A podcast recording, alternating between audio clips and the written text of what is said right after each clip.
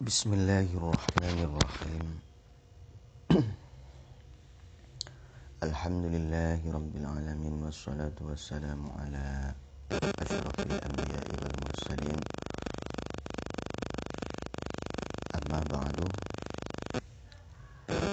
Alhamdulillah bertemu lagi kita di dalam kajian singkat yaitu kajian tafsir sudah lewat yaitu sesi yang pertama tafsir. Bismillahirrahmanirrahim. Dari surah Al-Fatihah. Kemudian kita masuk kepada ayat yang pertama dari surah Al-Fatihah. Sebagaimana yang telah kita sebutkan bahwa yang rojih Bismillahirrahmanirrahim itu adalah ayat tersendiri yang diletakkan oleh Allah Subhanahu wa taala di dalam setiap surat. Maka diletakkannya ia di dalam surah Al-Fatihah adalah merupakan bagian sebagaimana surat-surat yang lain diletakkannya pula Bismillahirrahmanirrahim. Alhamdulillahi Rabbil Alamin. Yang artinya adalah Segala puji Alhamdulillah Segala puji Lillahi Milik Allah Rabbil Alamin. Rabb alam semesta. Makna Rabb Yaitu Al-Khaliq Al-Mudabbir Al-Muhyi Al-Mumid Ar-Razzaq. Rob yaitu yang menciptakan yang mengendalikan ciptaannya yang menghidupkan dan yang mematikan serta memberikan rizki yani Rob alam semesta. Alhamdu. Al itu adalah lil istighraq. Dikatakan oleh para ulama yaitu lil istighraq. Istighraq artinya adalah tenggelam. Sebagaimana firman Allah Subhanahu wa taala fantaqamna minhum fa'aghraqnahum fil yammi yaitu di dalam surah Al-A'raf. Kemudian kami menyiksa mereka lalu kami tenggelamkan. Nah fa'aghraqnahum kami tenggelamkan mereka di lautan. Nah, di sini kita memakai al istirok artinya adalah tenggelam yakni tenggelam. Maksudnya adalah mencakup segala sesuatu. Baik dan buruk. Yani Allah Subhanahu wa taala itu terpuji terpuji di dalam segala keadaan yang didapatkan oleh manusia. Alhamdulillah segala puji. Jadi Pujian itu adalah sifat lazim bagi Allah. Nah, dari segi perbuatan Allah Subhanahu wa taala dan dari dirinya sendiri, dari zatnya. Sehinggalah Nabi Shallallahu alaihi wasallam sebagaimana diriwayatkan oleh Aisyah radhiyallahu anha kana Nabi sallallahu alaihi wasallam إذا أصابه ما يسره قال الحمد لله الذي بنعمته تتم الصالحة. adalah nabi apabila didapatkannya sesuatu yang membahagiakan beliau mengucapkan segala puji bagi Allah yang dengan nikmatnya sempurna segala kemaslahatan wa idza asabahu khilafu dhalik. Qala alhamdulillahi ala kulli halin. Dan apabila menimpa kepada beliau sesuatu yang tidak disukai beliau mengatakan segala puji bagi Allah ala kulli halin atas segala keadaan. Jadi Allah Subhanahu wa taala mengabarkan di dalam ayat ini bahwa dia itu adalah terpuji di dalam segala keadaan. Maknanya bahwa apa pun yang didapatkan oleh manusia baik dan buruk hakikatnya itu adalah untuk kebaikan manusia itu sendiri. Sehingga sesuai dengan sabda Nabi sallallahu alaihi wasallam. Nah, ajiban li amril mu'min. Kullu amruhu khairun lahu. Sungguh menakjubkan perkara yang ada pada orang-orang yang beriman. Karena seluruh perkaranya seluruh yang menimpa dia adalah baik bagi dirinya walaysa dzalika li ahadin illa lil dan tidak ada hal yang demikian itu kecuali bagi orang-orang yang beriman. Idza asabathu syarra'u syakara fa kana khairan lahu wa idza sabara fa kana khairan lahu ketika orang yang beriman itu mendapatkan suatu hal yang membahagiakan dia bersyukur dan ketika orang yang beriman itu mendapatkan sesuatu yang menyusahkan, yang berbahaya, yang celaka, dia bersabar. Nah, adapun di dalam masalah kebaikan, maka tidak asing bagi kita untuk memuji kepada Allah Subhanahu wa taala. Namun di dalam masalah keburukan kadang manusia begitu sulit untuk memuji kepada Allah Subhanahu wa taala. Padahal sebagaimana yang disampaikan bahwa sesungguhnya itu adalah untuk kebaikan dirinya. Sebagaimana dikatakan oleh Nabi Shallallahu Alaihi Wasallam, "Ma yazalul bala bil mu'min wal mu'minati fi nafsihi wa waladihi wa malihi hatta yalqallaha wa ma alaihi khati'atun.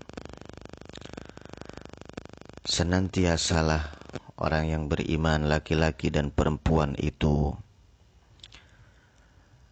ditimpa oleh suatu malapetaka baik yang berkenaan dengan dirinya sendiri atau anak-anaknya atau hartanya hingga dia bertemu dengan Allah dan tidak ada baginya kesalahan.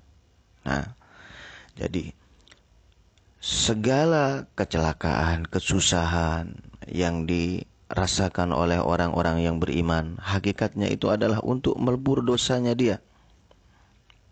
Itu hakikatnya Allah Subhanahu wa taala memberikan bala musibah. Sehingga seharusnya seseorang itu ketika mendapat musibah justru bersyukur kepada Allah Subhanahu wa taala. Sebagaimana yang Nabi contohkan, alhamdulillah ala kulli hal. Segala puji bagi Allah bagi segala keadaan. Nah, maklum kita sebagai manusia memandang suatu yang terjadi yang membuat kita celaka, yang membuat kita sakit, yang membuat kita susah. Memandang itu adalah buruk maklum. Karena kita tidak melihat hikmah yani sesuatu yang dirahasiakan oleh Allah Subhanahu wa taala yang direncanakan setelahnya. Kita itu seperti anak kecil di hadapan Allah. Antum tahu anak kecil, seorang bayi. Nah, sebelumnya dia dengan ibunya adalah sesuatu yang dekat dengan asi dari ibunya. Ketika dia menangis, ya cukup dia diberi asi dari ibunya, maka dia sudah diam. Nah, tetapi ketika sudah masuk usia dua tahun, dia harus pisah darinya. Nah, dari perpisahan itu, dia akan tersiksa. Dia menangis. Nah, karena sudah AC itu merupakan temannya. Tetapi dia dipisahkan kenapa? Karena disiapkan kepada sesuatu yang lebih besar, yang lebih cepat perkembangannya, yang lebih banyak gizinya, yang bermacam-macam bentuk makanan yang akan dia konsumsi setelahnya. Nah, adapun sebelumnya dia tidak bisa. Ususnya masih belum bisa menerima karena masih kecil dan masih lembut. Sehingga kalau dikasih makan akan rusak. Tapi setelah itu, nah, dia bisa menerima semuanya sudah. Artinya, ada sesuatu yang lebih baik yang hendak disiapkan untuk dirinya. Tetapi dia meronta, menangis, tersiksa, dan seterusnya. Kenapa? Karena dia tidak tahu bahwa sesuatu yang disediakan setelahnya itu lebih baik, lebih bagus. Nah, itu bagian daripada hikmah yang kita ketahui. Nah, di dalam segala kejadian yang didapatkan oleh manusia dari hilangnya harta, dari sakitnya tubuhnya dia, dan seterusnya hal yang menyedihkan, semua itu hakikatnya adalah mengandung sebuah kebaikan bagi hari setelahnya. Disiapkan oleh Allah Subhanahu wa taala. Nah, di sanalah maka Allah Subhanahu wa taala Maha terpuji di, di segala sesuatu. Nah, kemudian lafaz ini alhamdulillah ya. ini diwajibkan oleh Allah dan Rasulnya untuk dibaca di dalam setiap sholat, mengajarkan juga bahwa manusia betapapun dia entah bahagia ataupun sedih tetap harus bersyukur kepada Allah Subhanahu wa taala. Nah, kenapa kita harus bersyukur? Karena orang yang tidak bersyukur itu adalah orang yang telah tertipu dengan setan. Sebagaimana setan itu adalah musuh yang nyata. Dia berjanji seperti di dalam surah Al-A'raf. Nah, ثم لآتينهم من بين أيديهم ومن خلفهم وعن أيمانهم وعن شمائلهم wala tajidu aksarohum syakirin. Kemudian aku akan mendatangi mereka. Nah, dari arah depan mereka dan belakang mereka, dari arah kanan dan kiri mereka, dan engkau ya Allah tidak akan mendapati manusia. Kebanyakan dari mereka itu bersyukur kepadamu. Nah, sehingga untuk mengantisipasi itu Allah Subhanahu wa taala agar manusia itu tidak terjerumus kepada kekufuran, kufur kepada nikmat dari Allah. Allah jadikan wajibkan kepada manusia untuk membaca alhamdulillah segala puji bagi Allah Subhanahu wa taala. Intinya alhamdulillah itu adalah merupakan khobar pertama dari Allah bahwa dia adalah maha terpuji. Yang kedua, bahwa Allah itu sangat suka untuk dipuji. Makanya pujian itu Kata Nabi, Alhamdu tamla'ul mizan. Pujian kepada Allah itu dapat memenuhi timbangan seseorang, timbangan kebaikan seseorang nanti di hadapan Allah di hari kiamat. Masya Allah. Kemudian, enam yang ketiga adalah perintah agar manusia itu senantiasa memuji Allah Nah, karena betapapun baik itu dipandang baik atau buruk, di dalam pandangan manusia namun tetap itu hakikatnya itu adalah kebaikan. Alhamdulillah segala puji milik Allah lillah. Nah, lillah itu adalah dari lafal Allah sudah kita lewat tentang lafal Allah yaitu al-ilah bimakna ma'luh ya adalah gantungan hati. Ketika seseorang diucapkan nama Allah hatinya bergetar karena mengagungkan. Nah, Makanya lafaz alhamdulillah itu juga bagian darinya adalah memuji Allah dengan rasa pengagungan dan cinta. Ya, ini kita memuji Allah karena kagum dan rindu kepada Allah. Merasakan betapa nikmat ya wa asbaghu alaikum ni'amahu zahiratan wa batinah dan telah Allah itu telah melengkapkan kepada kalian nikmatnya baik zohir maupun batin. Zohir dengan sempurnanya penciptaan kita. Nah, kemudian batin dengan sehatnya akal dan rohani kita. Nah itu namanya asbagu alaikum ni'amahu zohiratau wa batina. Itu ingat sehingga kita rindu kepada Allah. Cinta kepada Allah mengagungkannya nah. Nah karena di sana ada pujian namanya al-madhu. Nah, al-madhu itu adalah pujian yang seseorang memuji orang lain bukan karena dia cinta ataupun memuliakan dia tapi karena ada alasan lain. Apa itu? Mengharapkan supaya dia nah, memberikan sesuatu kepada dirinya entah memberikan uang. Nah, banyak makanya uh, dari para pejabat memuji atasannya. Padahal dia benci sesungguhnya pada atasannya itu tapi supaya dikasihi dia memujinya. Nah untuk alhamdulillah itu adalah pujian yang mengandung pengagungan dan kerinduan cinta kepada Allah. Rabbil alamin. Itu jelas. Rob alam semesta. Tadi kita katakan adalah Rob itu adalah Al-Khaliq, Al-Mudabbir, Al-Muhyi, Al-Mumid, Ar-Razzaq. Yaitu yang menciptakan, yang mengendalikan, mematikan dan menghidupkan, serta memberikan rezeki. Nah, dia Allah yang punya kuasa kepada seluruh yang ada pada diri kita ini. Hmm.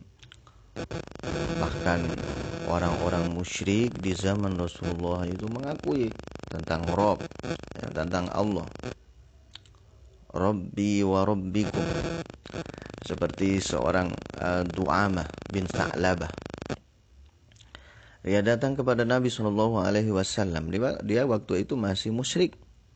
Nah, dia datang kepada Nabi Shallallahu Alaihi Wasallam dengan mengatakan, Wallahi Rabbi wa Rabbiku Rabbi wa Rabbika.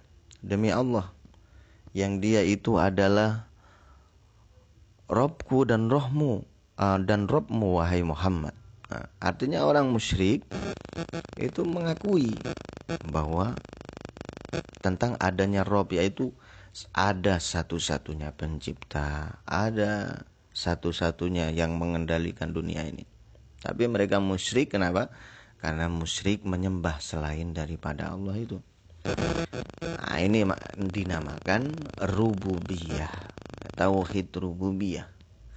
Meyakini bahwa hanya satu pencipta itu. Hanya satu yang mematikan dan menghidupkan itu. Hanya satu yang memberikan rezeki itu. Itu Allah. Itu namanya tauhid rububiyah. Al-alamin. Alam semesta. Nah, alam semesta ini. Langit dan bumi, langit dan isinya, bumi dan isinya. Ini adalah alam. Semua ini yang mengendalikan dan yang menciptakan itu adalah Allah. Wah, kalau kita bayangkan betapa besarnya Allah itu. Betapa agungnya Allah itu. Betapa kuasanya Allah itu. Sehingga terlihat seorang hamba itu ketika merasa meresapi makna ayat ini ketika membaca Alhamdulillahi Rabbil Alamin terasa sekali kecilnya kita. Rabbil Alamin Rob alam semesta. Ya pengendali alam semesta pencipta alam semesta. Alam semesta langit dan bumi dan isi dari keduanya. Dan saya adalah satu dari isi alam semesta ini. Wah kecil sekali di sana ada pohon yang besar, ada gunung yang besar, dan seterusnya. Nah, maka betapa agungnya.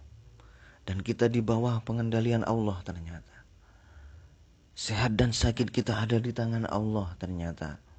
Rizki kita ada di tangan Allah ternyata. Nah, sehingga Alhamdulillahirrabbilalamin. Dari sini kita tahu kenapa dia diwajibkan bagi kita untuk dibaca. Karena begitu dalam kandungannya memupuk keimanan seseorang, memupuk betapa dia adalah seorang hamba yang lemah di hadapan Allah Subhanahu wa taala. Nah, demikian tafsir singkat daripada Alhamdulillahirabbil alamin.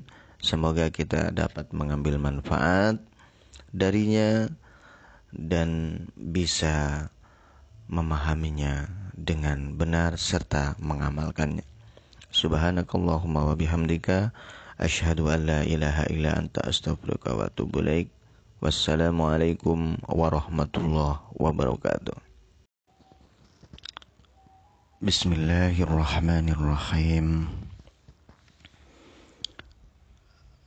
Alhamdulillah. Wassalatu wassalamu ala ashrafil anbiya'i wal mursalin Muhammadin wa ala alihi wa sahbihi ajma'in. Amma ba'du. Berjumpa lagi dengan kajian singkat Tafsir Al-Quranul Karim. Nah, telah berlalu dari kita tafsir Alhamdulillahirabbil alamin dan kita menginjak pada ayat berikutnya yaitu Ar-Rahmanir Rahim. Ar-Rahmanir Rahim yang maknanya adalah yang maha pemurah lagi maha pengasih. Ar-Rahmanir Rahim ini adalah merupakan naat atau sifat dari kata Rob yang telah berlalu makna Rob yaitu Al-Khaliq, Al-Mudabbir, Al-Muhyi, Al-Mumit, Ar-Razzaq yaitu yang menciptakan, yang mengendalikan, yang mematikan dan menghidupkan dan memberi rizki. Alamin alam semesta. Kemudian disifati Rob tadi dengan Ar-Rahmanir Rahim. Yang maha pemurah lagi maha pengasih. Ini adalah merupakan dalil atau petunjuk bahwa rububiyah yakni penciptaan, pengendalian Allah Subhanahu wa taala. yakni pengaturan Allah Subhanahu wa taala itu didasari dengan rahmat dan kasih sayang. Yakni ketuhanan Allah Subhanahu wa taala itu dirahmati dengan uh, diliputi dengan rahmat dan kasih sayang. Bukan dengan intiqam dan wadab. Yakni dengan paksaan dengan siksaan dengan kesemena-menaan. Jadi semua penciptaan dan pengendalian alam semesta ini, hidup dan matinya, karunia rizkinya itu didasari dengan kasih sayang dari Allah Subhanahu wa taala. Ar-Rahman itu adalah sifat dari Allah Subhanahu wa taala yang telah berlalu kemarin berasal dari kata fa'lan wazannya. Yang menunjukkan keluasan belas Allah yakni kemurahan Allah Subhanahu wa taala. Sebagaimana fa'lan itu yadullu ala sa'ati wal imtila menunjukkan atas keluasan dan penuhnya sesuatu. Sebagaimana wadban yaitu marah ya. Marah itu kata Syekh Utsaimin yuqalu liman intafakhat awdaj juhu wahmarrat ainahu yaitu bagi orang yang dia itu telah nampak urat lehernya kemudian mukanya memerah matanya juga memerah. Ini mumtali wadban penuh dengan kemarahan. Hatinya itu penuh dengan kemarahan. Makanya itu dikatakan wadban atau syan. Penuh dengan kehausan. Maka ar-rahman yang berasal dari kata rohmun atau rahmat itu adalah disematkan kepada dia yang penuh dengan belas kasih. Sehingga seluruh ya seluruh perbuatan dari Allah Subhanahu wa taala itu muncul dari sifat rahmatnya. Bahkan yang dirasakan oleh manusia.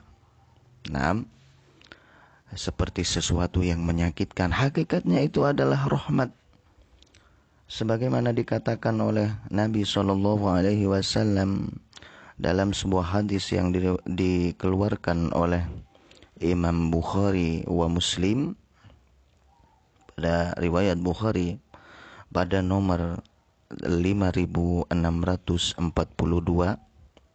ma yusibul mu'min min hammin wala ghammin wala adan illa kaffarallahu bihi anhu.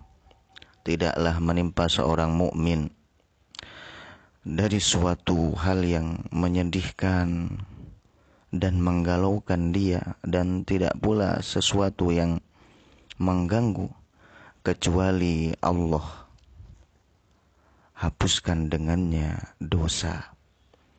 Nah, maka ini adalah rahmat dari Allah Subhanahu wa taala. Nah,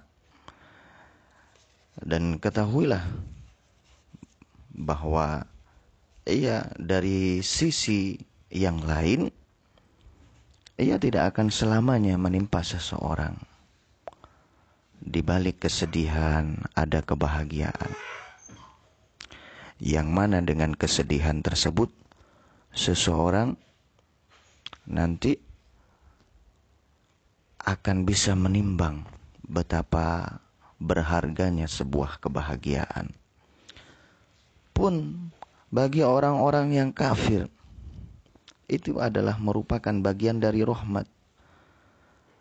Di mana dengan musibah yang mereka dapatkan mereka mungkin akan menyadari dan akan berhenti dari kezalimannya bahkan bisa mendapat hidayah dari Allah Subhanahu wa taala. Apalagi terhadap orang yang ahli maksiat dari kaum muslimin. Betapa banyak dari orang yang mendapat musibah kemudian dia tersadarkan setelah musibahnya itu berhenti dari perbuatan zalimnya. Sebagaimana kita lihat seorang pemuda yang nakal kemudian dia mendapat musibah dari kematian ayah atau ibunya lalu dia bertaubat kepada Allah Subhanahu wa taala. Walhasil segala sesuatu baik dan buruk itu semua muncul dari rahmat Allah Subhanahu wa taala yang terkandung di dalamnya dalam hikmah yang mendalam yang menghasilkan kebaikan bagi umat manusia. Sedangkan Ar-Rahim itu adalah perbuatan dari Allah Subhanahu wa taala, sifat perbuatan dari Allah Subhanahu wa taala.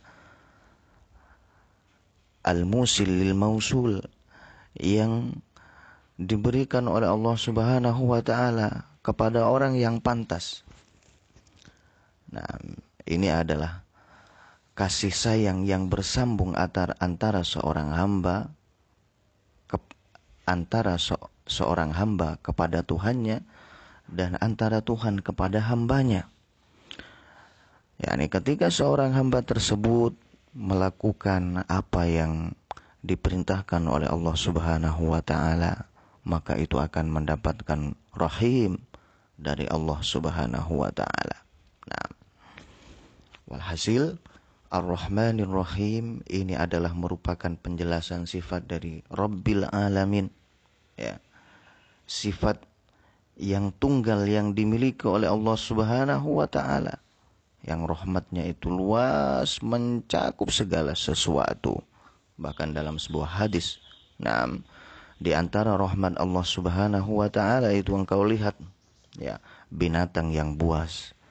Nah, betapapun buasnya dia, dia tetap menyayangi anaknya, melindunginya dari segala hal yang mengganggu dan menyakitkan hingga anak tersebut bisa berdiri sendiri.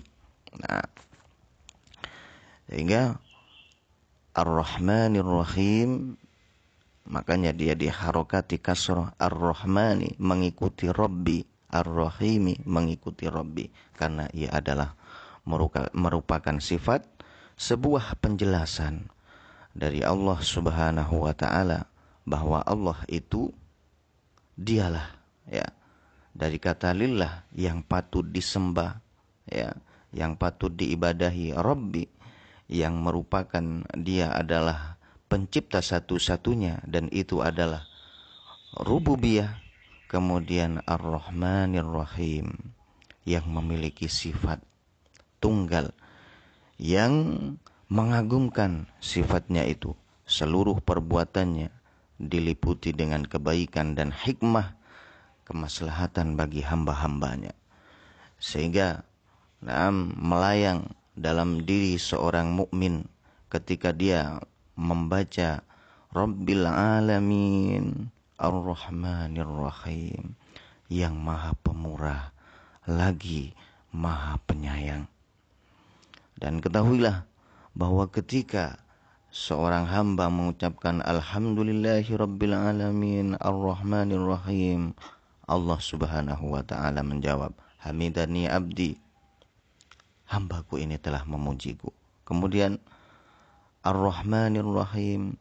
Allah membalas, Asna alayya abdi. Hambaku ini telah memberikan sanjungan yang lebih kepada diriku, yakni mengerti akan diriku. Maka dengan hal tersebut Allah subhanahu wa ta'ala akan mengalirkan rahmatnya, memberikan kasih sayangnya. Untuk itu, ayuhal ikhwani fillah, Naam, hendaknya kita memperhatikan uh, tidak hanya membaca ayat ini tetapi meresapi maknanya kemudian mengingat keagungannya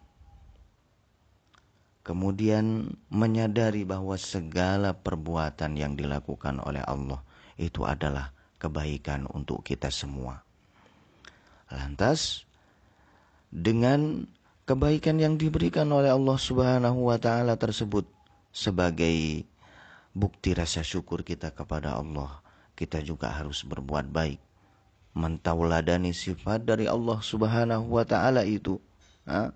mengingat segala kebaikan yang diturunkan oleh Allah tetapi kebanyakan dari kita menaikkan kepada Allah kemaksiatan, kedurhakaan. Tetapi dengan itu Allah masih memberikan kita kesempatan untuk bertaubat. Nah, demikian pula kita kepada sesama hamba ketika kita dijahati oleh mereka. Nah, mengingat sifat rahmat dan pengampunan dari Allah yang seperti ini. di mana Allah sesungguhnya kuasa untuk menyiksa kita dengan kemaksiatan, tetapi Allah menunda, memberikan kesempatan untuk kita menjadi lebih baik lagi. Semua itu muncul dari sifat Rahman dan Rahim dari Allah. Dan ketika kita memiliki maaf kepada manusia, maka kata Nabi Shallallahu Alaihi Wasallam la yazidul afwa li'abdin illa izzan. Tidaklah menambah ya sifat maaf, sifat kasih sayang dari seorang hamba kepada hamba yang lainnya kecuali akan menambah kemuliaan bagi mereka. Nah, dan seorang yang penyayang dia akan disayang oleh Allah dan disayang oleh penduduk langit. Ar-rahimuna fil ardi Nam yarhamu hum man fis sama. Kata Nabi atau semakna dengan itu orang yang penyayang di muka bumi dia akan disayang oleh dia yang ada di langit seluruhnya. Nah, dan ketika kita disayang oleh dia yang ada di langit, nah, maka segala hal yang akan kita hadapi akan mengandung kemudahan, dan akan mengandung keberkahan serta akan membawa kebaikan dan petunjuk. Itulah singkat daripada tafsir Ar-Rahmanir Rahim. Semoga kita bisa mengamalkannya dan lebih dapat merenungkannya sehingga tersalikan darinya sebuah kandungan yang mendalam yang lebih daripada apa yang telah kita paparkan. Subhanakallahumma wa bihamdika asyhadu an la ilaha illa anta astaghfiruka wa atubu ilaik. Wassalamualaikum warahmatullahi wabarakatuh.